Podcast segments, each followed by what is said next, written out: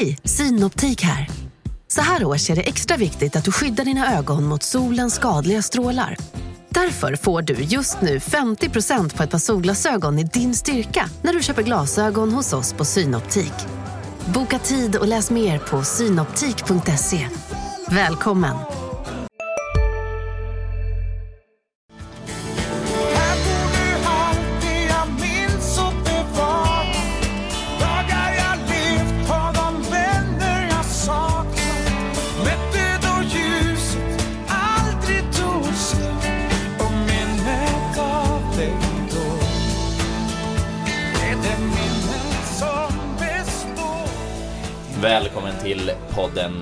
Smala italienska mustascher med mig, Lukas Salin och Med mig, Oskar Lund. ja, det var i alla fall en reaktion vi fick på eh, vår puffbild här till, eh, till podden att eh, ja, vi kanske ska byta till det. Smala italienska mustascher. Det är ett ganska bra namn och Mm. eh, när man tog sin titt på bilden efter att ha läst den där kommentaren så kan man nog acceptera det också. Jag tycker att du har gjort ett fantastiskt jobb med den där puffbilden Lukas, det måste jag säga. Det väcker ju, det väcker ju eftertanke, helt klart. En sån kommentar. Ja, det gör ju det. Eh, jag- kan tänka mig en smal italiensk mustasch. Jag hade ju sparat skägg i en månad eh, nu. Jag, jag, jag provade att testa en sån där mustasch. Bara Jag gick och rakade mig efter den här kommentaren. Och eh, det klär mig inte. Jag Jag, jag, kan inte hantera skäggväxt. Jag har ju sett det på bild och eh, jag kan väl tycka att det kanske vore på sin plats att även våra lyssnare fick ta del av det. Så att, eh, ja, har du, har du stake nog så kanske du lägger ut eh, en bild på Twitter här efteråt. Vi får se var vi landar. Nej, men, men det, kom, det kom mycket reaktioner efter vårt första pilotavsnitt, vilket är väldigt kul. En del handlade om puffbilden faktiskt. Någon frågade vad min näsa var, till exempel. Eh, Sidbena var- läste jag också. Ja, så du? Sidbena läste jag någonting Ja, om också, att vi också. båda två hade på, på bilden där så. Det har väl alla nu? Ja, det känns så. Ja. Så det kanske inte var någon, någon, eh, någon skräll sådär. En kille ville ha mycket Danken-anekdoter, sa han. Johan Andersson alltså, för det, den som inte känner till smeknamnet Danken. Eh, jag vet inte, vi... vi eh, ah, spontant har inte jag något på, på honom, men det kan ju hända att han dyker upp i hatten. Kan ju hända, så vi, vi, vi ska inte liksom eh, hiva ur oss dem direkt i så fall. Okej, då håller vi. Jag hade en, eh, en liten på lager. Det var ingen, Du har det, ja, det var ingen, det är ingen jättegrej utan det är mer en, mer en personlig, Mm. eh, personlig grej som jag skulle kunna ta. Men jag håller på den då så får vi Håll- se om han dyker upp i hatten framöver. Ja. Annars lovar jag att berätta den i ett annat avsnitt. Jaha. Och sen, eh, sen var det eh, en, en kille, det är killar som har kommenterat. Nej, en kille ville ha mer, eh, eller mer, han, han önskar intervjuer framöver. Och det kan vi väl säga att det kommer att bli så. Eh, med största sannolikhet. Men nu i december är många på eh, semester och sådär. Så det, det kanske inte är den mest optimala månaden och, och dra tag i ett sånt, eh, sånt projekt nu. Men, men från januari någonting borde vi kunna få igång något. Absolut, det har vi väl snackat om du och jag att eh, vi tänker oss att vissa avsnitt av podden blir så här. Du och jag snackar om senaste nyheterna och eh, diskuterar olika saker kring GIF Sundsvall men eh, att eh, en del avsnitt också ska basera sig egentligen mer eller mindre helt på intervjuer med olika personer. Så att eh, framförallt Precis. kanske i januari när, när spelarna kommer tillbaka och kör igång så vore det väl eh, på sin plats med någon intervju och Mm. presentera lite nyförvärv och, och sådär. Så att eh, det kan vi väl lova här och nu Ja, att det blir intervjuer i podden. Absolut. Och eh, det är ju så också när, när vi har ju framförallt jobbat med eh, skrift båda två.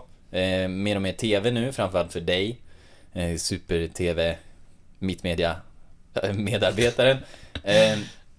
Men, men det blir ju ett eh, det blir ju ett lite konstlat tillstånd. I, I skrift har man möjlighet att redigera citat och i TV så ofta förställer sig ju folk eh, lite grann när det, när det dyker upp en TV-kamera. Och eh, jag tror att det är många som skulle göra sig bättre i det här formatet. En kille som Stefan Olander till exempel som, som är otroligt grå i en papperstidning.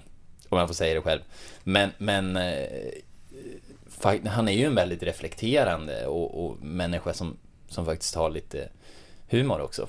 Absolut, och jag tror att eh, jag lyssnar själv på ganska många poddar, eh, inte minst med, med idrottare. Eh, och eh, jag tycker ofta att eh, sådana personer som man på förhand kanske inte har förväntat sig så mycket av eh, kan vara väldigt intressanta att lyssna på i, i poddformatet. Man får liksom chansen att breda ut sig lite mer och det är ofta lite längre samtal och jag tror också att de personer som blir intervjuade i en podd känner att här kommer allting med mer eller mindre. Det, man, vi klipper ju inte i den här podden.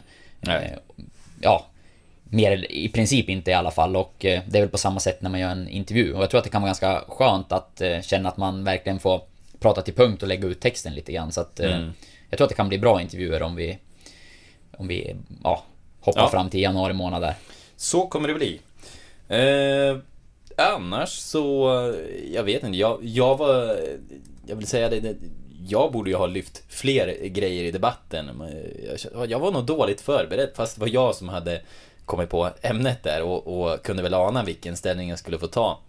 Men en sån där grej som, som jag kanske skulle ha nämnt eh, när det gäller Joel Cedergren som eh, tränare var väl faktiskt något som var ett problem den här säsongen var ju till exempel när det kändes som att det började skruva lite på sig i omklädningsrummet och kanske med petningen av Selin framför allt. Det är ju, Joel står ju väldigt fast vid sitt, eh, sitt material, både på gott och ont. Jag tror de elva individer som spelar mest, tror jag växer jättemycket av, av det. Men det kan bli jobbigt när man har lite för bra spelare på sidan.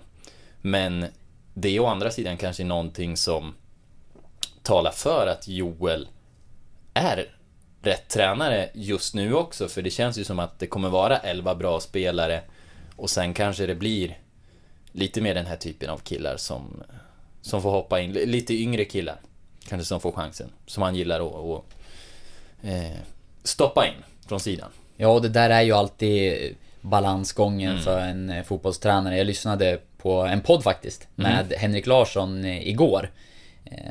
Och eh, han pratade ju om det där, eh, hur han i slutet av säsongen ganska tydligt valde att satsa på en elva för att försöka rädda Helsingborg kvar i Allsvenskan. Och att eh, han menade mer eller mindre att alla tränare tappar alltid omklädningsrummet. Ja. Och då menade han på det sättet att det finns alltid några där som vill ha bort dig. Och det finns alltid en gruppering som, som inte alls är nöjda. Eh, Och det är ju de som inte spelar såklart.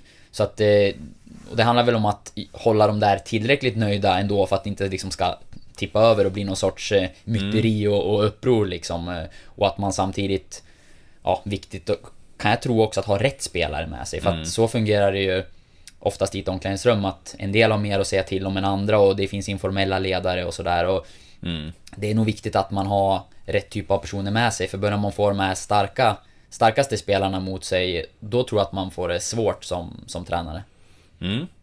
Men, eh, men inte där vi ska landa idag, utan vi, vi kommer ju eh, gå igenom några, vi kallar det dagens rubriker, men det kommer vara en superextra om Superextra, bra kvällstidningsord om Samuel Aziz, Giffarnas nyförvärv. Vem är han?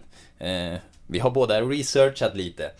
Vi har också listat spelarna Giffarna borde värva. Och så kommer vi gå igenom Doffy. Vem, vem är Doffy? Och med det sagt, nu kör vi! Ja, Samuel Aziz, eh, Giffarnas andra nyförvärv eh, för säsongen, är klar för klubben och eh, vi kommer satsa idag med, med ett specialprogram om väldigt mycket om honom. Jag har pratat med eh, en journalist nere i Helsingborg lite om, eh, som har haft koll på hans väg där nere i, i Skåne, varför det gått som det gått för honom. Och eh, jag har också eh, fått kommentarer från tränare som har mött honom i Stockholmsserierna. Eh, du har pratat med honom personligen. Stämmer bra. En, eh, en längre intervju i textform kommer det att landa i som kommer publiceras senare i veckan förmodligen. Jag pratade med honom igår. Ett, eh, ett långt och intressant samtal. Eh, Och precis som du säger så kommer vi prata väldigt mycket om Samuel Aziz idag. Vi hade ju tänkt göra uppföljningen på första avsnittet lite längre fram men det kändes ju rätt att eh, köra direkt nu när, när det blev en värvning klar helt enkelt och Mm. försöka. Dessutom en ganska oskriven värvning som man inte har sådär jättebra koll på. Eh, hoppas vi väl att vi ska kunna ge en, en bättre bild av honom idag, till er som lyssnar. Mm. Eh, kort kanske man ska börja med, för det är kanske är någon som, som helt har gått miste om, om den här nyheten. Vad är det för... Eh, vad är det för kille som kommer? Var, var kommer han ifrån, Oskar? Det är ju en, eh, en forward, född eh, 1991, 25 år alltså. Som närmast kommer från Huddinge, division 2. Tror han gjorde, ja, han gjorde över 20 mål den, den gångna säsongen i, i tvåan där i alla fall. Och eh, fostrad Helsingborgs IF. Eh, kommer från Högaborg från början faktiskt. Eh, Som Henke. Precis. Och sen tog han steget vidare till HIF och var en del av A-lagstruppen där när Helsingborg var ett eh, riktigt topplag i Allsvenskan och vann SM-guld ett av åren han var där. Eh, så han slogs aldrig riktigt in där då. Men han har SM-guld, det har ingen annan giffare. Eller?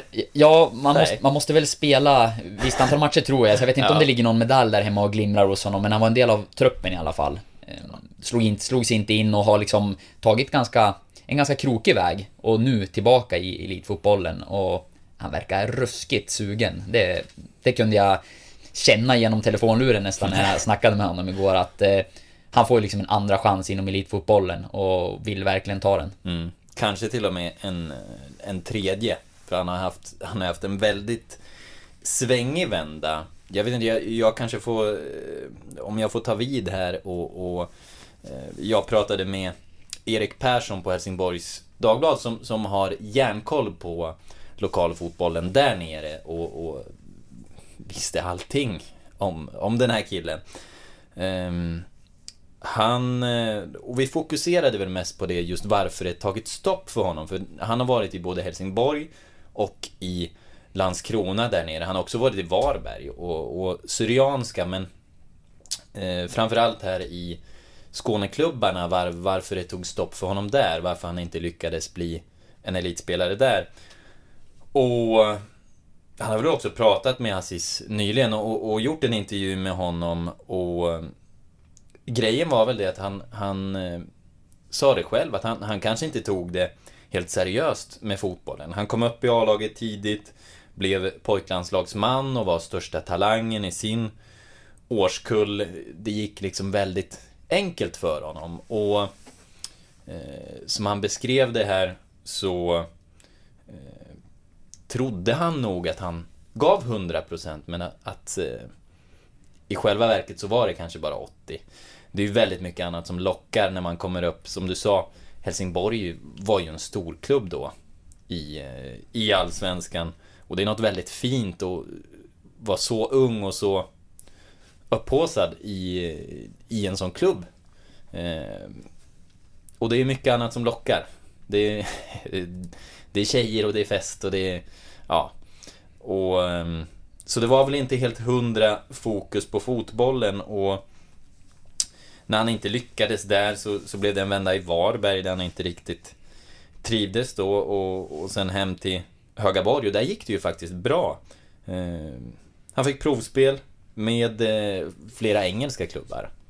Eh, Crystal Palace ska ha velat ha över honom då på eh, något korttidskontrakt men, men enligt hans berättelse så eh, sket sig då, eh, då han tillhörde Högaborg. Han var, han var inte free agent så att säga. Eh, och transferfönstret var stängt så de kunde inte plocka upp honom på det här korttidskontraktet. Och istället så eh, Ja, så, ble, så blev han kvar här i, i Sverige. Jag vet inte, stämmer din eh, story så långt? Absolut, den, eh, den stämmer väldigt bra överens med det. Och det jag slogs av när jag, när jag pratade med, med Samuel häromdagen, det var ju mm, hans liksom medvetenhet kring det här. Att det, det var han, han själv som liksom tog upp att, eh, precis som du säger, att han inte kanske hade varit 100% fokuserad på fotbollen tidigare. Och jag, som jag förstod det så han, precis som du säger, det handlade inte om att han var eh, enligt honom då jätteslarvig och, och så, men att ja, men komma lite oförberedd. Kanske trodde att han tog det på 100% allvar, men att han med åren har insett vad det egentligen krävs för att bli en, en eh, framgångsrik elitspelare.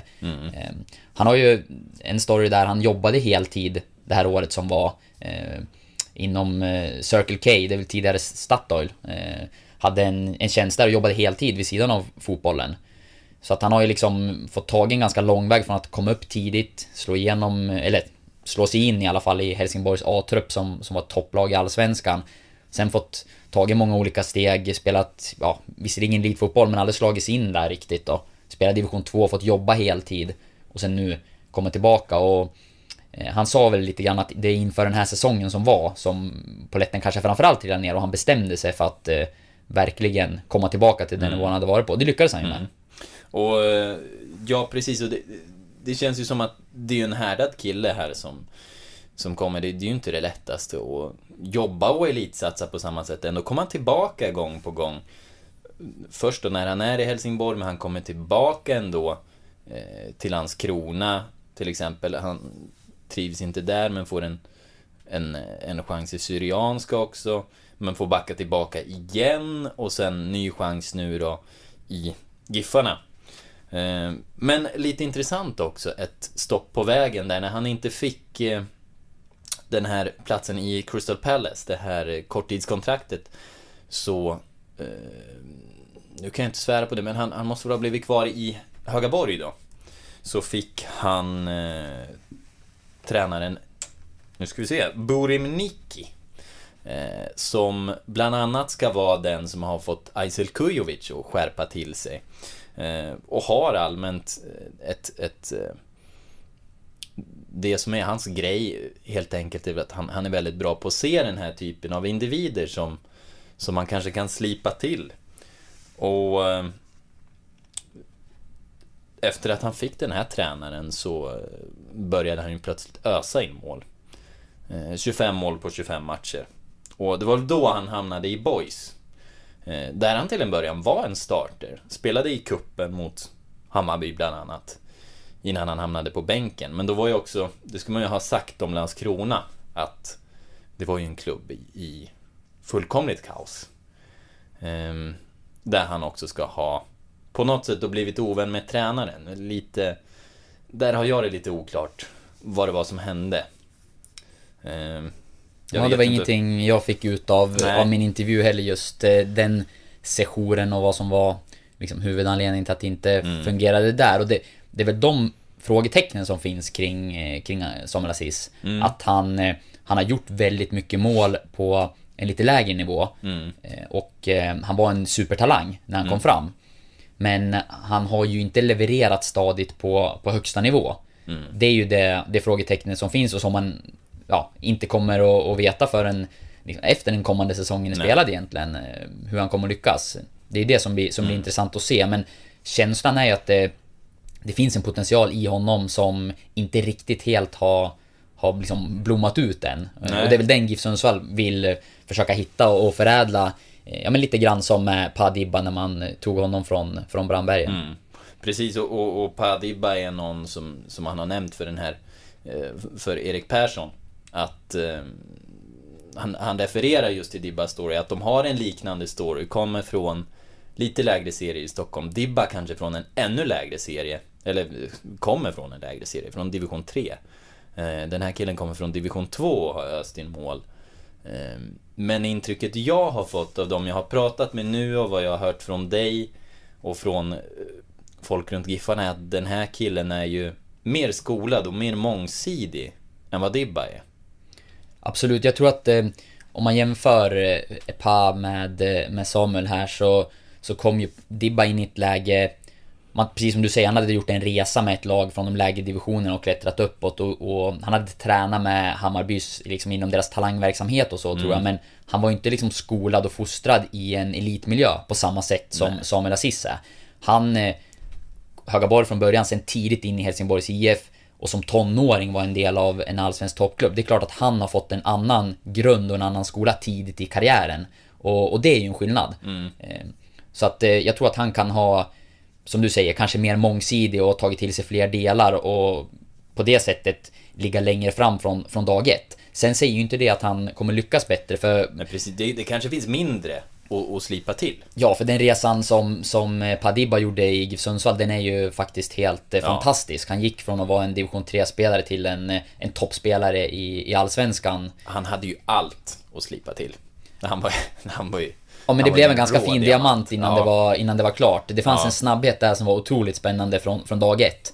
Precis, D- där har jag fått höra stories från, från folk inom Stockholmsfotbollen som har mött honom att det han gjorde när han spelade i division 3 och även i lägre divisioner det var ju att han, han la bollen på ena sidan och sprang på den andra. Det kan man ju inte göra i Allsvenskan förstås.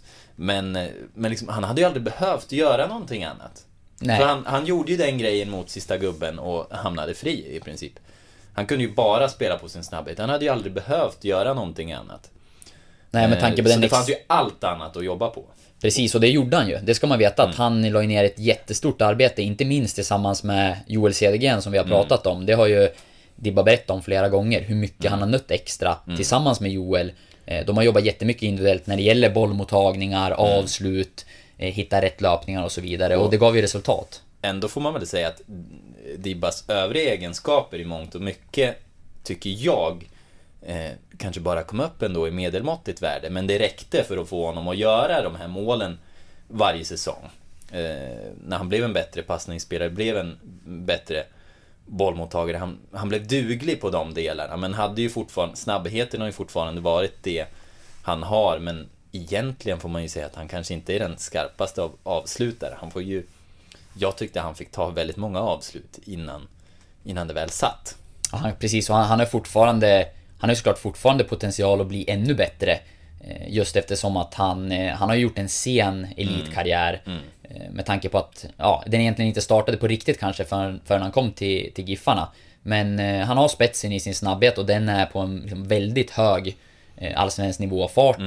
Och Det ser man ju att han kan sysselsätta en backlinje i princip på egen hand eh, med sina löpningar. Och det påverkade Giffarnas spel jättemycket skulle jag vilja säga när han försvann. Men sen har han ju andra delar där han inte är på samma nivå såklart. Så att eh, han kan säkert fortfarande ta steg tror jag. Och vi ska inte snöa in för mycket på Dibba, eftersom han eh, ändå inte är kvar. Men eh, det blir ju att man drar de här parallellerna hela tiden. Men det ska man ju ha sagt med Pa, att man fick ju ha ett enormt tålamod egentligen innan han faktiskt blev duglig och sen till och med riktigt bra. Eh, Den här gången, kan de ha samma tålamod? Tror du det? Jag tror att eh, Samuel Aziz har lite högre förväntningar på sig från klubbledning och tränare när han kommer till, eh, till klubben. Jag tror att med, med Paso visste man att det skulle ta tid, att det fanns saker att jobba på. Det fanns den där snabbheten som kittlade liksom, som var en, en spetsegenskap och ja, du nämnde, sa en, en eh, oslipad diamant. Samuel Aziz Det sa du också. Precis. Eh, Jag, jag följer ju gärna efter dig för Ja. du, du är så pass klok. Men, men när det gäller Samuel Aziz så, så tror jag att man känner att här finns det en potential som inte riktigt har, har blommat ut och den vill man få fram. Men jag tror också att eh, man kommer behöva få fram den eh, ännu snabbare. Och att om man förväntar sig det också. Han är en mer färdig spelare. För, för nu har de ju inte, nu har de ju inte så himla mycket att tillgå på topp.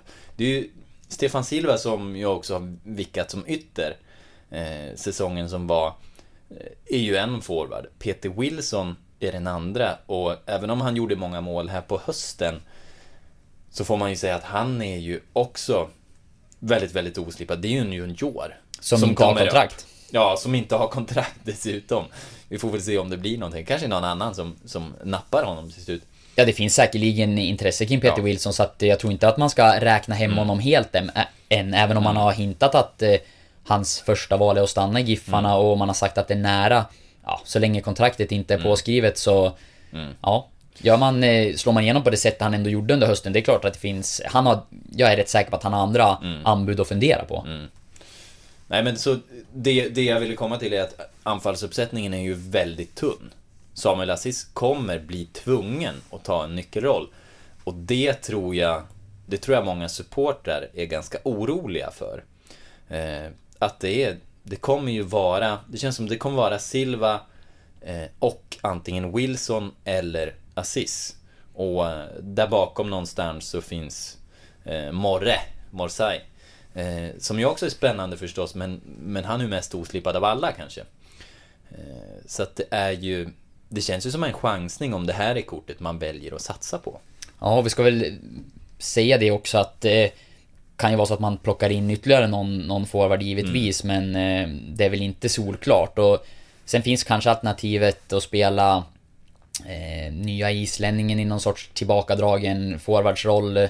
Men jag har ju svårt att se han tillsammans med Stefan Silva, att det skulle vara ett, ett forwardspar. Då tror jag snarare att man kanske matchar honom som en ytter. Ja. Eh, Kristin Frey här. Eh, Men...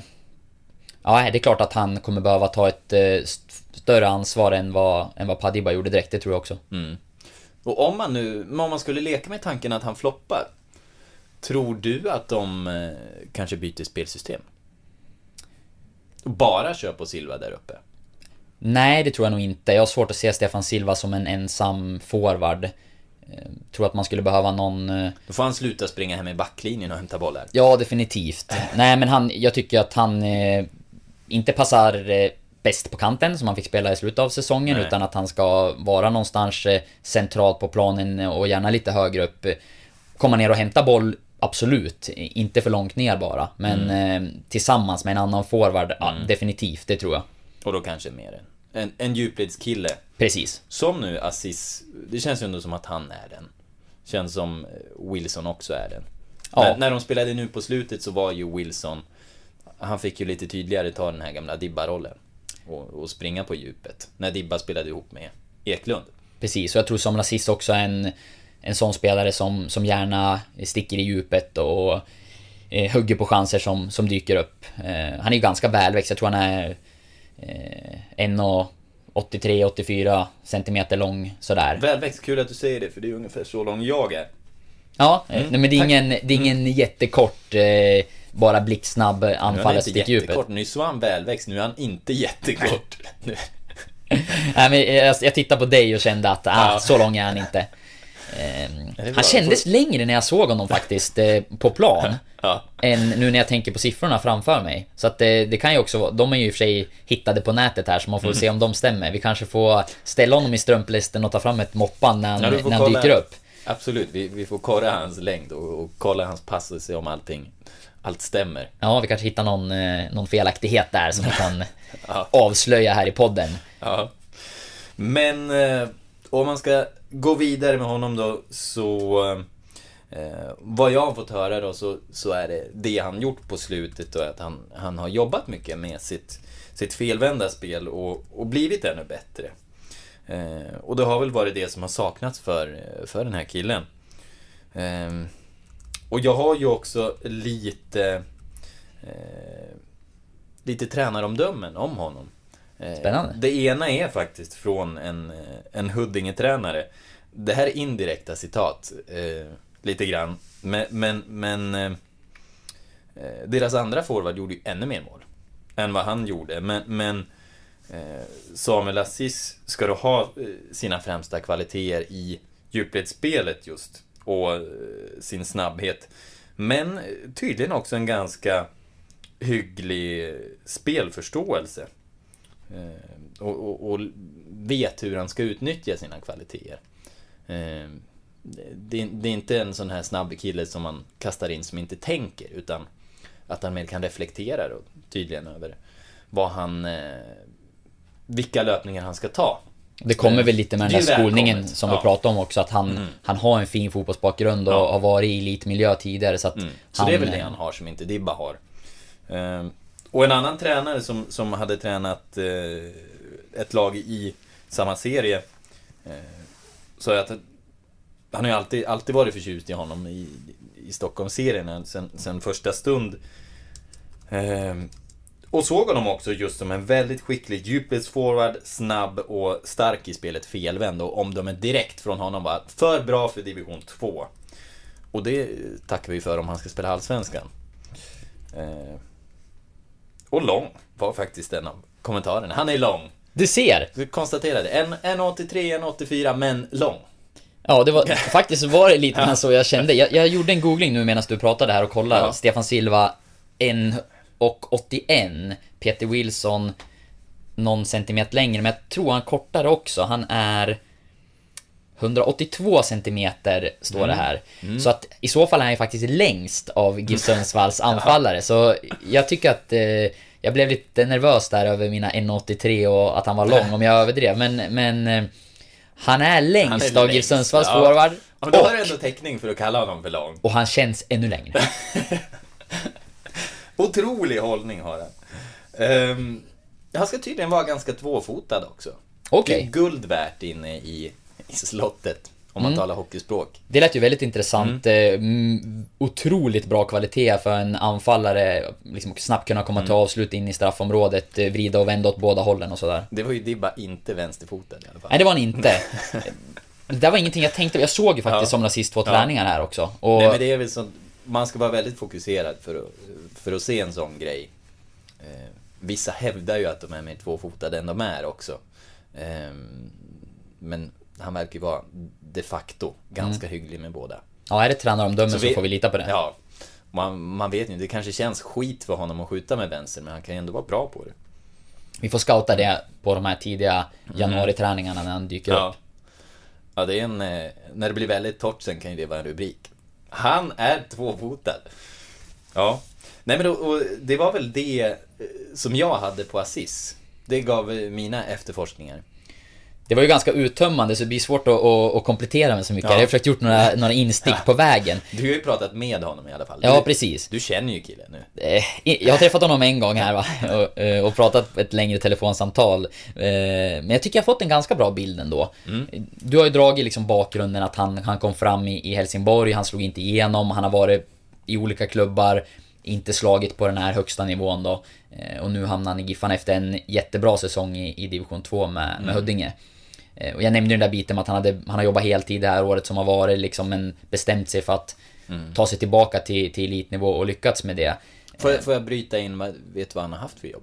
Eh, På Circle K, tidigare Statoil. Jag, jag fattar som att han först var sälj, säljare då. Eh, och sen eh, avancerade på något sätt tror jag. eh, Och fick något utökat ansvar där.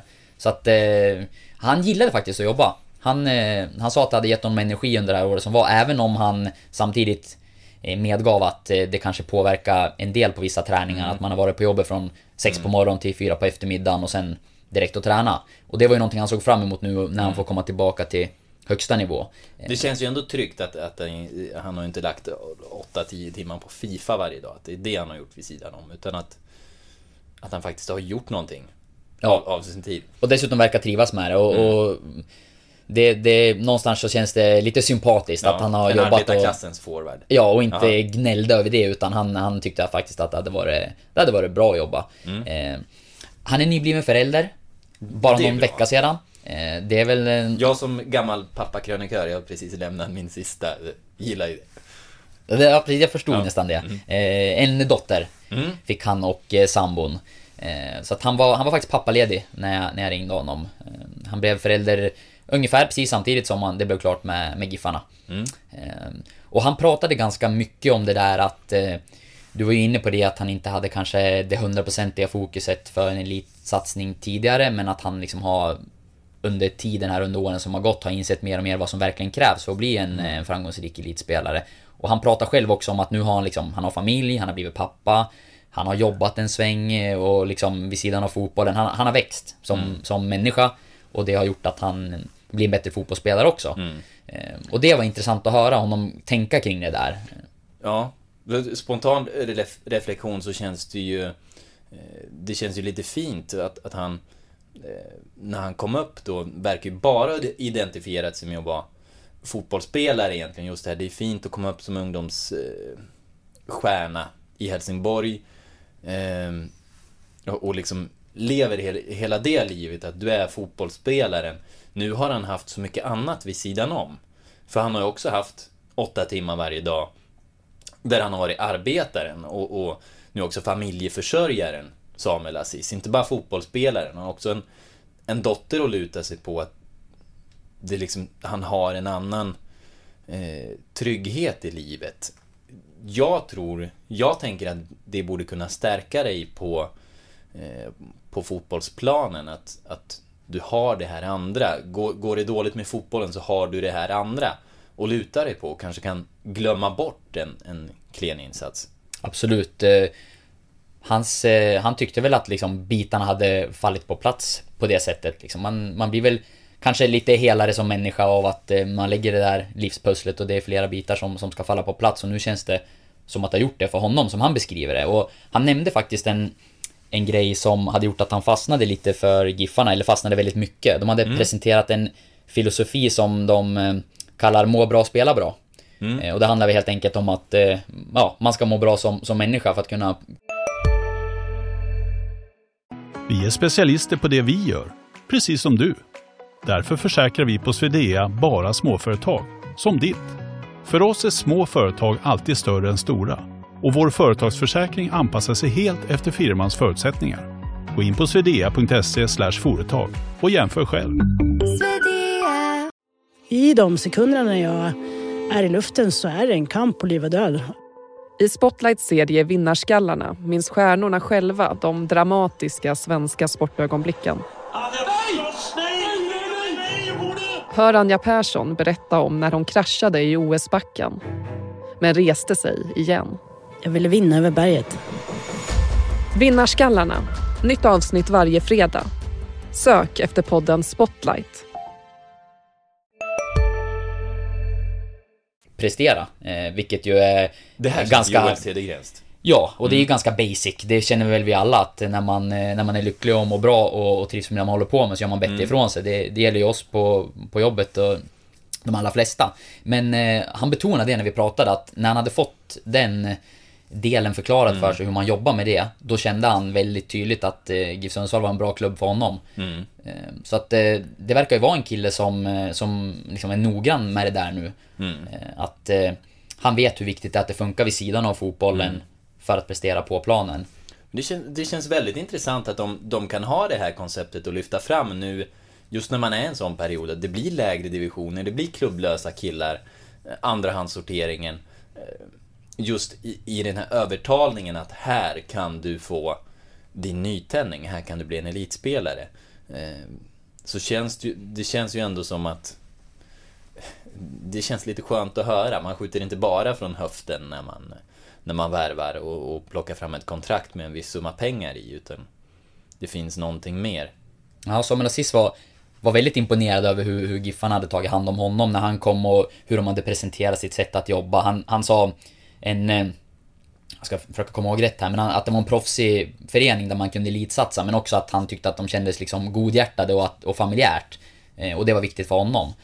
Eh, sen är det väl såklart vi vet ju inte hur konkurrensen har sett ut kring den här spelaren. Det kanske är så att han inte har haft jättemånga klubbar på den här nivån att välja på. Han nämnde för mig i intervjun att det, var, det hade funnits konkret intresse från Superettan och sådär, bland annat. Men eh, så hur mycket det här fakt- faktiskt har spelat in i slutändan, det är svårt att veta. Men han lät ärlig när han pratade om det och min känsla var att eh, det faktiskt var viktigt när han, när han valde klubb. Mm. Eh, Så att det, det var intressant.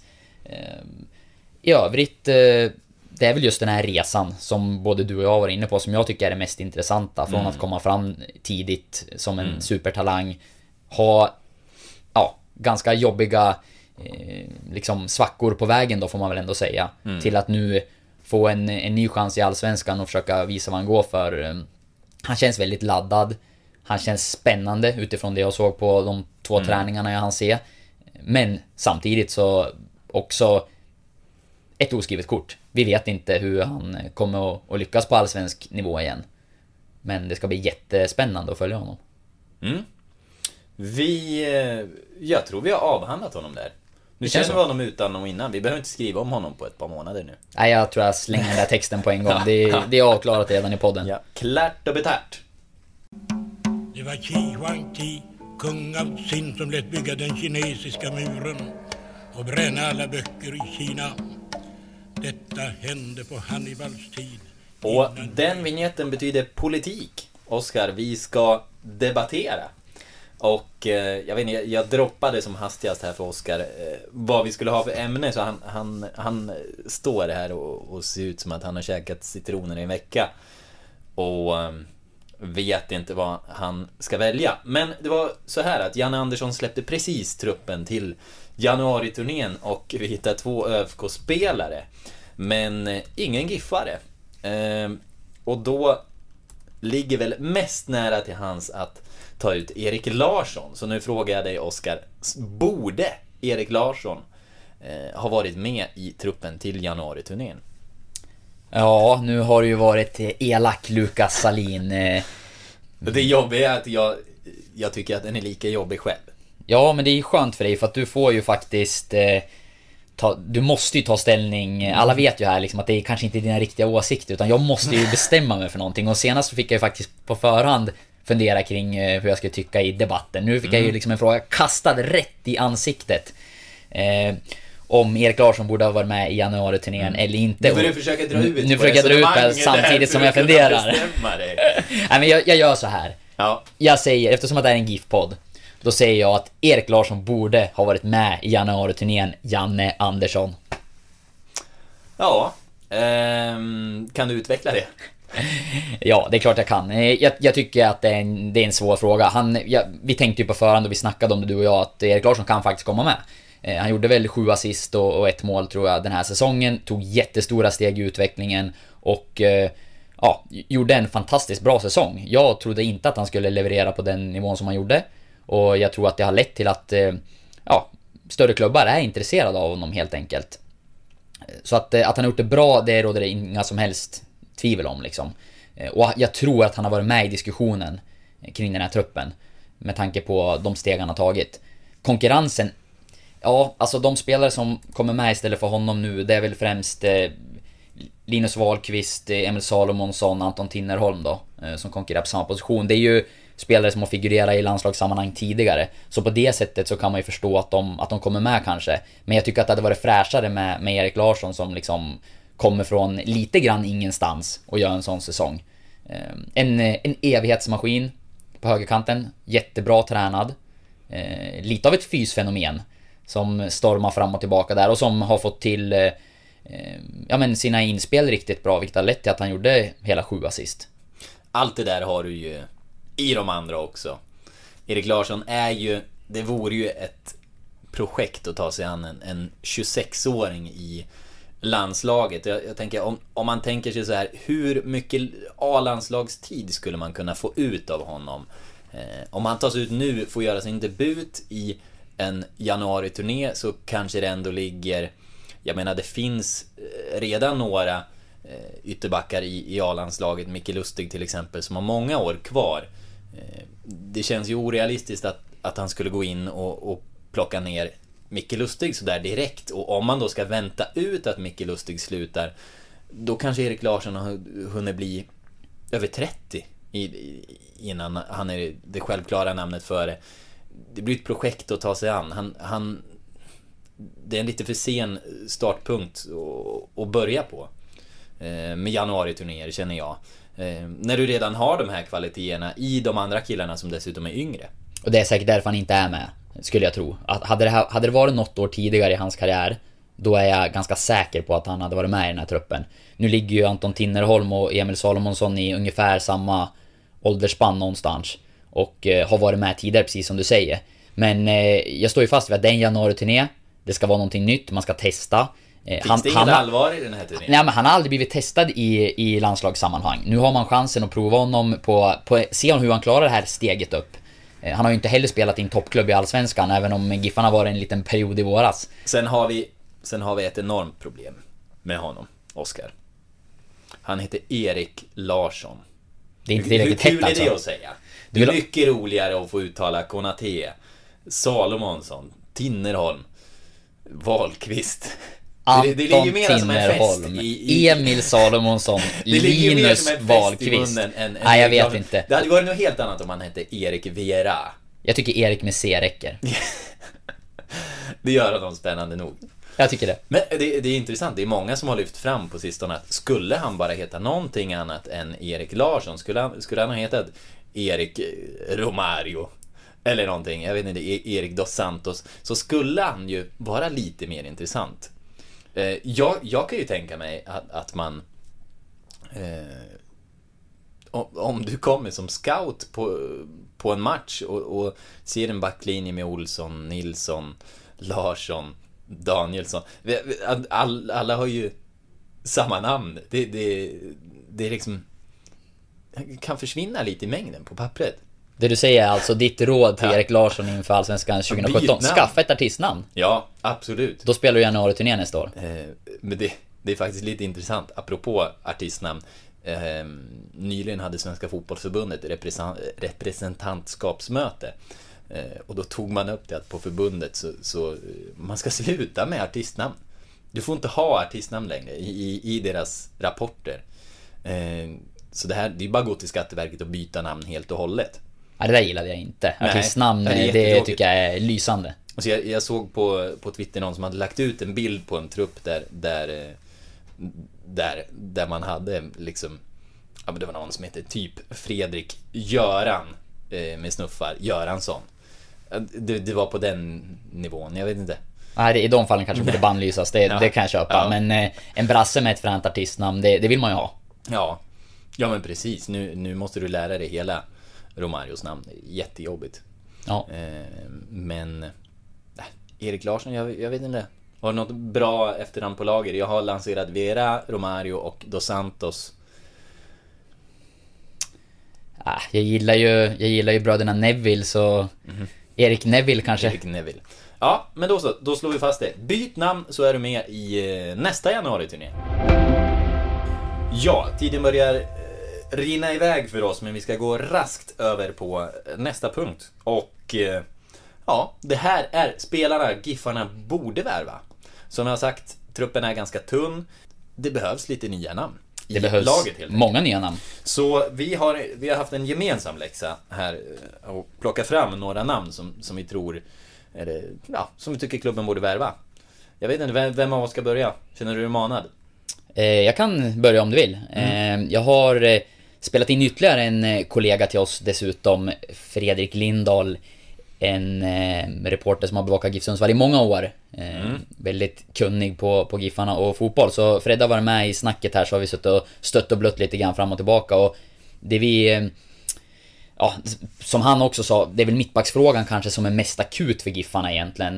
Nu när Stefan Olander har slutat, Noah Sonko Sundberg tillbaka i AIK. Där måste man förstärka. Eh, En spelare som, som eh, det har snackats du har om ju en tidigare. mittbacksspecial nu. Ja, lite grann. Eh, och en spelare som det har snackats om tidigare som, som Giffarna var intresserade av, det var ju Jesper Nyholm. Som eh, blev klar för AIK. Han eh, tillhörde ju Dalkurd tidigare. Eh, var här och spelade i vintras och, mot Giffarna i Nordichallen. Eh, skicklig mittback som kanske inte tar plats i AIK. Och då tänker jag mig att det kanske kan bli så att det öppnas upp för ett lån. Eh, Så att där kan man göra Noah Sonko Sundberg låna honom. En annan mittback som tillhör en allsvensk klubb eh, men som hade svårt att få speltid i år, det är Filip Carvalho, Malmö. Lånades ut till Falkenberg, inte så lyckad sejour. De släppte in en massa mål. Men eh, det är ju en spelare med potential. Kanske ett lån där också, vem vet? Och så den spelare som, som kanske är mest spännande egentligen, Eidur Sigbjörnsson. En eh, mittback från Island och det vet vi ju hur lyckosamt det brukar bli med isländska spelare i GIF Sundsvall. Tror att faktiskt att han har blivit vald till isländska ligans bästa försvarare något år. Hamnade sen i Örebro. Eh, har varit i Norge någon sväng på lån. Snart har halva, ha- halva ön varit här i Ja, det känns så. Nu. Eh, nu i Tyskland. Eh, Hol- Holstein Kiel. Eh, Vad är det tror han tillhör. Eh, de är ju i... Undrar om det du? är i... Tre... Ja, förlåt jag andra, jag vet inte vilken... ställde ja, till men det, den frågan. jag tror att det kan vara... Det är tredje ligan eller Zweite Bundesliga. Mm. Eh, kan kolla det här medan vi, medans vi snackar. Ja, men det, det, det känns ju som... eh, Ja, kan man värva från division 1 och superettan så kan man nog värva därifrån. Eh, Det är ganska goda förutsättningar eh, oavsett Mm. Jag i tror tyska att det-. Det är ju proffsligor. Liksom. Precis, jag tror att det är tredje divisionen och att han, men att, att han inte heller har spelat så mycket. Och Mm. det här är en spelare som, som det har, jag tror att det har tissats och tassats lite om honom tidigare och vi har kollat om det är en spelare som, som är aktuell eller inte och sådär. Så att det, det kan, eh, kan vara så att det finns något intresse, eller i alla fall har funnits från Giffarnas sida. Så att, eh, mm, de tre mittbacksnamnen kastar vi in i, i silly Ja. season-grytan. Vilken mittbackspecial. Och jag, jag har gjort en lista också med... eh, Jag plockat fram tre drömvärvningar, men, men jag hittade en bubblare också och lite forward, så min lista är ja, inte lika koncentrerad. Men eh, ett namn som föll mig i smaken, det var Patrick Hopkins från eh, Sirius. Som eh, spelar 28 säsonger. Som... 28? Han är rutinerad. Väldigt rutinerad. Han är alltså världens äldsta spelare. Nej, men han, han spelade 28 matcher för Sirius som mittback säsongen jag, eh, som gick. Eh, har också varit lagkapten i Ljungskile. Eh, det här är också en, en målfarlig kille. Han har spelat i australiensiska ligan han, när han är amerikanare. Eh, men där gjorde han 17 mål på 27 matcher som mittback eh, i Australien. Så det känns ju som en kille som kliver upp och knoppar in hörner. Men det blir just en, en ledartyp och mittback, det var ju det jag föll för.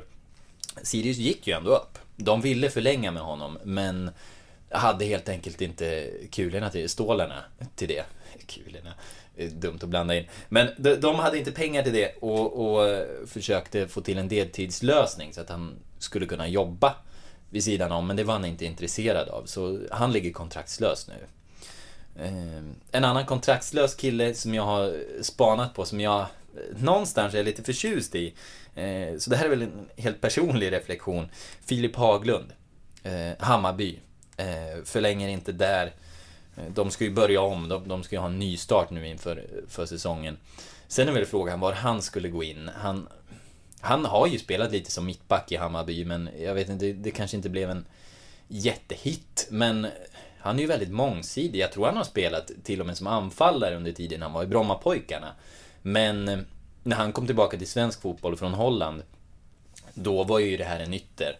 Som, eh, då pratar man ju om att han skulle ha lagt till en, en, en ny dimension till sitt spel med, med en nyvunnen holländsk teknik. Men framförallt så känner man väl honom som en elak, eh, ganska brunkig mittfältare. Men nej, han har gjort det bra både i mitten och på kanten och, och vickat lite som mittback. Han själv föredrar de defensiva positionerna, har jag läst eh, i någon, någon intervju. Men eh, vet inte, om man tapp, tappar en mångsidig kille som Robin Tranberg kanske det här är, är en bra kille att fylla på med och, och få en lite elak dimension. När, det känns, när de pratar positioner så Mm. känns han ju väldigt lik eh, Robin Tranberg att just Mm. i grunden kanske mittfältare men kan spela mittback också. Mm. Och dessutom så är han väl en, eh, en ganska duktig skribent. Han var väl Ja. ja. krönikör Offside Alltså, ett tag. Så att, Han, han, är- han är ju... Den här killen har ju vid sidan om fotbollen, det här är jag väldigt förtjust i. Eh, han är utbildad journalist till exempel. Sen under tiden i Holland på sin, på sin fritid så... Eh, då, då la ju han tiden på att- plugga kurser, hög, högskole och universitets eh, kurser liksom vid, vid sidan av fotbollen. Så det här är ju en kille med brains. Eh, vad fan, det, det är väl inte helt fel att fylla på med nej, kommer han då kommer han få vara gäst i podden eh, garanterat. Definitivt, då ska vi förhöra honom på alla hans högskolepoäng.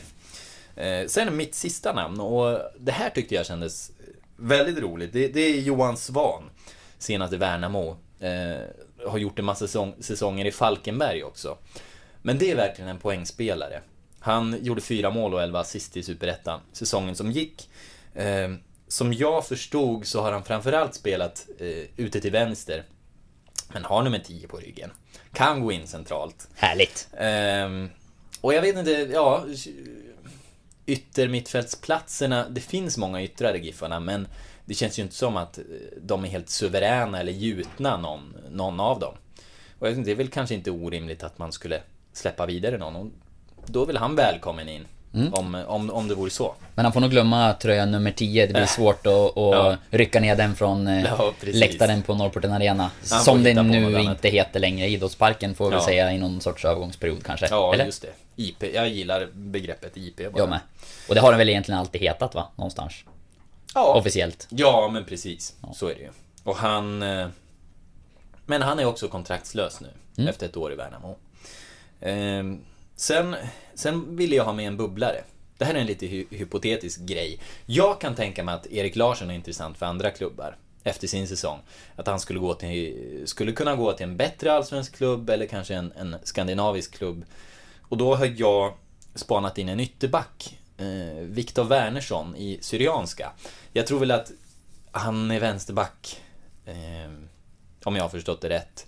Men han, han har väl hyllats på sina håll som en av de, de liksom hetare namnen i Superettan. Och både klubben och han har öppnat för att det kanske är dags för ett nytt äventyr nu. Men han har ett år kvar på kontraktet så det krävs ju en liten övergångssumma. Så att det är ju om eh, Erik Larsson skulle bli såld så skulle jag, jag skulle kunna tänka mig honom där. Men ja, jag vet inte hur tvåfotad han är så det, det kanske faller lite där också.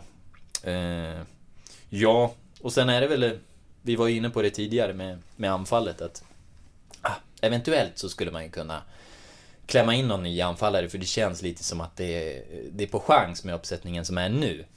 Eh, och då finns det ju många intressanta klubblösa namn. Eh, Dardan Rexepi till exempel. Jag, jag kommer namedroppa nu, jag ska inte snöa in för mycket på varje. Kör på. Dardan Rexepi som inte gjorde dåligt i guys nu. 9 poäng på 13 matcher. 6 av dem var mål. Eh, har ju spelat på hög nivå.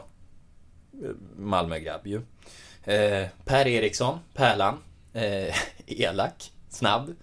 Ehm, han, eh, han är väl också ett hyggligt intressant namn. Eh, Tete Bangura kan vi ju slänga in. Jag vet inte, det känns ju som att det går stappligt för honom. Det har gått ut för kan man säga, men Ja. eh, vilken potential det finns i den spelaren, Ja, det man har han ju kan visat. slipa honom. Han har ju visat att han, han kan göra mål. Jag vet inte hur mycket sämre kan man bli. Ehm, så ja, det är väl ett namn man kan slänga in i leken. Ehm, vill man ha in en, en target så, så finns ju Emil Belander tillgänglig från Gävle, men han provspelar med AIK nu. Jag tror det gått ganska hyggligt och de, de behöver nog en liten reserv, så han, han är väl kanske förlorad dit redan.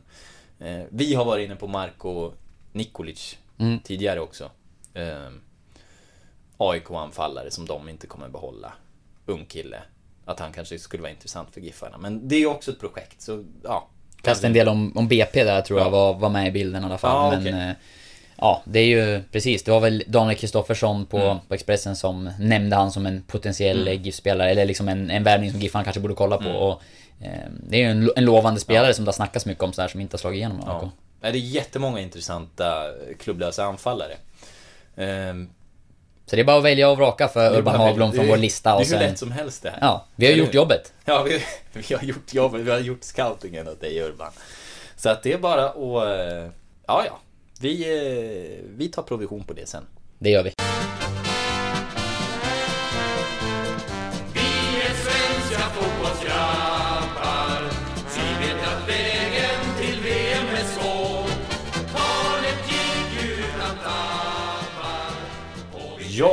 vi sa ju här tidigare att vi, vi skulle prata om Doffy.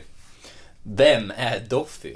Och eh, det tycker vi att det kan ni få fundera på en vecka till för det drog iväg där med Samuel Aziz. Vi, hade inte räknat med att det skulle bli så långt. Så vi måste faktiskt skjuta på Doffy en vecka. Så istället kör vi nu en omgång hatten. Mm, det blev en brutal cliffhanger det där. En Ja. veckas väntetid. eh, Eller hur? Och Doffy, det känns ju hur luddigt som helst. Men googla för guds skull inte Doffy nu. Nej, nej, nej. På en vi- vecka. Då förstör ni allting. Då har vi inget överraskningsmoment att komma med. Eh, håll på Doffy. Eh, men den här gången är det min tur att dra en lapp. Mm, spännande, varsågod. Jag svingar Han blundar. Ja, jag blundar. Det måste jag göra. Ser vi vad jag fick? Jag fick Henrik Westrin. Henna! Henna! Härligt! Jag älskar henna. Eh, oj, ja, nu outade jag det. Eh, jag vet inte, Oskar, har du någonting på henna? Jag har inte mycket på henne. Jag minns honom ju som, som eh, målvakt var han ju, eh, om vi börjar där. Eh, och spelade i... Vilka säsonger kan det varit? Det måste vi nästan leta upp. Det har inte jag i huvudet sådär på, på rak arm. Någon ni- 90-talet och kanske lite in, lite in på 00-talet. Ja, det precis. Eh, Henrik Westrin. Men var väl alltid andra målvakt bakom Sundfors? Nej, men han hade nog sejour som, eh, som förste keeper också. Eh, kanske ska ta en Jag, jag kommer ihåg när man var liten och spelade Championship Manager att han var en given värvning ett managerspel alltså för, eh, på datorn. Han var alltid en given värvning för han var, han var den bästa andra målvakten som, som fanns. Inte i världen, men i Allsvenskan. Eh, suverän då, när man var en klubb i lägre divisioner. Men, men nog om det. Han, jag har ju faktiskt spelat med henne. Ja, det har du ju. Eh, Henna... Alltså, jag har haft ett av mina livs utbrott på träning på Henna. Han är ju, alltså han är ju en jättefin och, och, och mjuk människa. Eh, men han hade, jag tror han hade brutit armen eller något sånt där, så han spelade ute på träningarna i början där. Eh, det här var några år sedan. Vad kan det ha varit? 2010? Ehm, så han spelade ute där på träningarna. Och jag har ganska syltiga fotleder. Och målvakter eh, som spelar ute, eh, de är ju i regel eh, nu höll jag på att säga dumma i huvudet. Ja, nu sa jag ju dumma i huvudet. Men han, han gjorde en, en, en glidtackling eh, precis när jag, jag hade bollen i en skarv inne i Nordikhallen. En skarv mellan de här gräs, eh, konstgräsmattorna. Eh, så han, han klippte ju hela min, min fotled. Och jag, jag bara ställde mig upp och skrek. Jag, jag tror att jag kan ha sagt eh, någonting som, som målvaktsjävel eller någonting och kastade någon stol och gick och duscha och dök inte upp sen. Jag sa ingenting till någonting, jag bara drog därifrån. Jag var så arg. Eh, och eh, jag vet det där... Sen syltade jag till det med foten flera gånger till den säsongen. Ehm, och jag vill ju hävda att han, han la ju grunden för att förstöra hela min säsong 2010. Aj! Ja. Det är Henna, en- Henna förstör, det, det kanske var ett kritiskt år, det vet man ju inte. Han kanske förstörde min karriär. Det, det, kan, det kan han ha gjort. Kanske. Eh, Du var... Men jag vill ha det sagt att han är en helt fantastisk människa och kom och, och sa förlåt och kramade om mig. Sen. Men, eh, men den där, den där tacklingen. Ja, jag får tacka för det i alla fall. Ja, det var, det var en bra story måste jag ge dig alltså. Det, den, eh, den var riktigt fin. Och du har ju haft dina konflikter med GIF-spelare, det kan vi ju konstatera. Det var Micke Lustig i förra avsnittet som eh, du hade haft en eh, minst sagt misslyckad vi, vi intervju kanske ska med. byta namn på, på inslaget. Det kanske ska heta Salins konflikt. Ja, jag bara. tror nästan det. Eh, Och Henrik Westrin, det där var ju faktiskt, ja, jag tror inte att det kan bli så mycket bättre med, när det gäller anekdoter. Jag har stått och febrilt och letat i huvudet här, alltså Henna, eh, ja, han var väl mest, ba, bakom Fredrik Sundfors minns jag ju att han var eh, där ett tag i alla fall. Men när han kommer till Giffarna ännu, ännu tidigare också, var ju där Ja. innan, innan Sundfors kom. Och stod väl då, men det var väl mest som, som andremålvakt. Eh, och var med en bit in på, var väl tidigt 2012 va, tror jag, innan han, innan han Ja, eh, han, lämnade han måste ha Giffarna. varit i 40-årstrakten när jag spelade med honom. Eh, ja. Ja, Kan men en, en bra story. Eh, Ja. Det gjorde du med bravur måste jag säga. Tack, ja. Eh, och tack Henna för inspirationen. Eh, men, men du har inget så att slänga ur dig. I så fall så kan vi ju bara gå vidare. Jag har nog ingen, ingen specifik story på honom så faktiskt. Eh, Man var ju inte i journalistsvängen när han spelade utan minns honom Nej. ju snarare från, från läktarna och sådär. Att man hade, man hade koll på honom på det sättet. Jag undrar om, kan han ha varit första målvakt framför Kjell Jönsson någon säsong där innan Sundfors kom kanske? Eh, Det är så tidigt så det är absolut inte. Jag tror det är där någonstans 98 eh, 97, 98 någon gång kanske. Eh, Så tror jag att, eh, att Henna var, var första keeper och Kjell, Kjelle Jönsson eh, backade upp honom. Om jag inte minns helt fel här nu. Det var ju, det är ju rätt länge sedan och jag var inte gammal vid den tiden. Men jag har för mig att det var så det var och sen så kom Fredrik Sundfors och blev ju en, ja, en av de största spelarna i. Giffarnas historia egentligen. Och, och precis, opetbar var ju, höll ju landslagsklass under, under någon säsong till och med. Eh, så att eh, det var väl en, en otacksam tid då kanske att, eh, att vara då när, när, när Sundfors kom in i bilden och tog över som han gjorde. Ja, men han har spelat enormt mycket gris kan vi förmoda i alla fall. Förmodligen. Ja, men vi går vidare.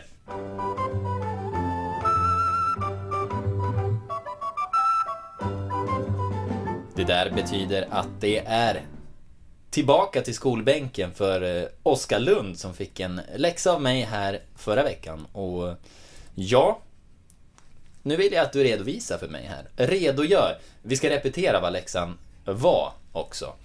Giffan hade tre pojklandslagsmän som jag då inte ens kunde namnen på. Nu ska vi se om jag, om jag har dem kvar.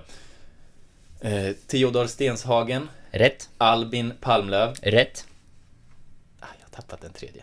Förlåt. Oskar Nej. Sävström. Ja, Sävström. Sävström. Just det, jag tänkte på eh, Orvar Säv- Sävström. Det skulle vara min, min liksom eh, länk så jag skulle kunna skulle komma ihåg det här namnet. Men ja, Tji fick du. Så blev fick jag. Ja, men uttagna till P15-landslaget.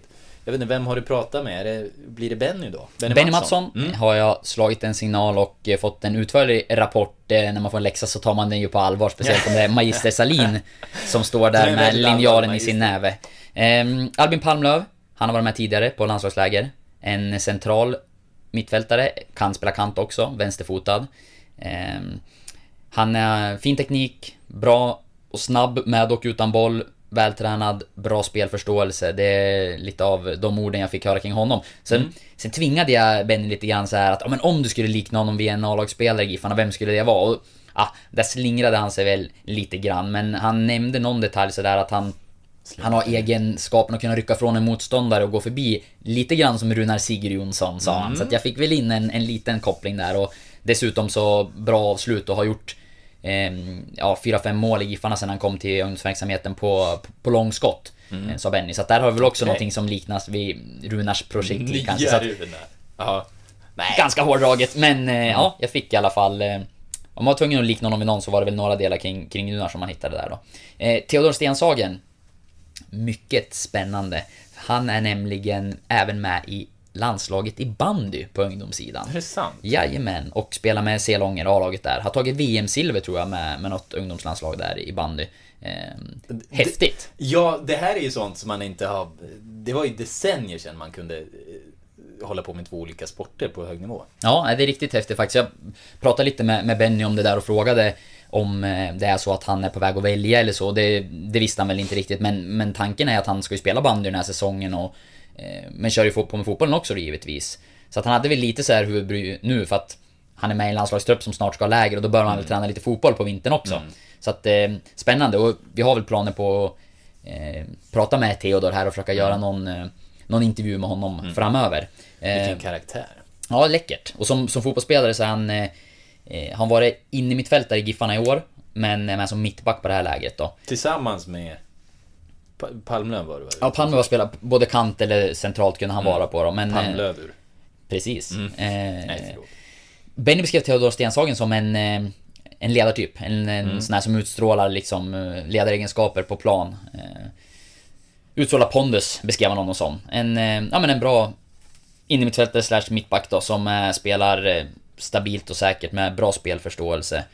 Eh, ja. Eh, Men även en spelande mittback då, i och med att han även har huserat på, på mitten då, i GIF Sundsvall. Sista av alla, Oskar Sävström. Eh, han har varit reserv tidigare, kom med nu. Eh, en eh, inner eller yttermittfältare, även forward tidigare. Men nu har han varit vänsterback och det är där han kom med i landslaget. Eh, en spelare som kan komma runt på kanten och, och, och fylla på. Eh, I det fallet så, så liknades han väl påminna lite om Erik Larsson då. Eh, Mm. med tanke på väldigt vältränad och gärna kommer upp och runt på kanten. vi. Så Ja. att det är en liten Erik Larsson typ. Jag glömde säga det på på eh, Stenshagen där, då tvingade jag fram att eh, han påminner en del om Danielsson. Mm. Eh, Utstrålar en säkerhet som, eh, som mittback i den positionen. Så där har ni dem. Där har vi dem. Ja, Oskar, det här... eh, Jag skulle sätta betyg på din läxa. Ehm, ja, det blir så... Jag, må, jag får ju sätta nivån nu här om, om vi ska vara snälla med, med betygen eller inte. Ehm, du måste ju få ett högt betyg. Jag tycker att det är bra redogörelser. Nu, nu känner vi ju de här killarna och, och bandy. Du hade ju liksom kunnat... Eh, ett lågt betyg, då hade du bara tagit fram positionerna och, och vad, vad de har gjort eh, i mål och poäng och sånt. Jag har ju inte skostorlek. Nej, inte skostorlek. Och det är väl det ungefär man kan begära, eller att du skulle ha pratat med dem personligen för att det skulle vara absolut 5 plus. Men det här är, det här är riktigt bra faktiskt. Så att du... eh, Jag kan inte dela ut plus, det gör ju Aftonbladet. Jag delar ut eh, suddgummin. Eller lösmustascher. Lösmustascher. Vi delar ut italienska mustascher. Ehm, ja, men jag, jag tycker att du får fyra eh, smala italienska mustascher för det här. Det tackar jag för. Ja. Eh, och jag säger varsågod. Och, och med det här så ska vi eh, runda av eh, dagens avsnitt. Vänta lite va? Mm. Jag tror att jag vill ge en läxa Åh, tillbaka nej. också. Ja, Där försökte det. du. Ja. Ehm, ja, jag, det är ju silletider. Mm. Eh, Det är det som är hetast just nu tycker jag. Och det blir det som vi kommer snacka mycket om i de här vinteravsnitten. Eh, nu har vi pratat mycket Giffarna, eh, men hela Allsvenskan är ju intressant för oss. Så jag vill att du till nästa vecka listar de tre bästa värvningarna under silly season i Allsvenskan så långt. Och motiverar. Det blir spännande. Jag, jag funderar redan på hur jag ska få ett högt betyg på det här. Ehm, ja, eh, jag tar med mig den läxan. Ehm, och så ska vi runda av, men vi, vi ska ha det sagt också att ni får gärna fortsätta tycka till. Det var, det var eh, my, mycket tilltyck på, på första avsnittet här. Men använd eh, hashtag eh, GIF-podden. Eh, podden med 2D. Och, och gör det på, på Twitter. Eller, eller så kan man dra iväg ett mail. Förnamn.efternamn.mittmedia.se Ehm, Så, men mangla på. Så säger vi väl med det tack. Tack och hej! Tack och hej.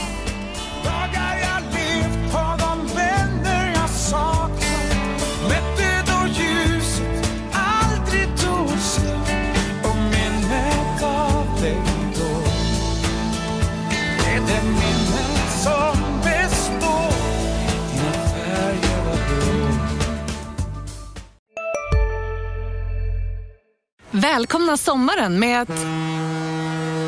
Res med Stena Line i sommar och gör det mesta av din semester. Ta bilen till Danmark, Tyskland, Lettland, Polen och resten av Europa. Se alla våra destinationer och boka nu på stenaline.se. Välkommen ombord! Var du än är och vad du än gör så kan din dag alldeles strax bli lite hetare. För nu är Spicy Chicken McNuggets äntligen tillbaka på McDonalds. En riktigt het comeback för alla som har längtat.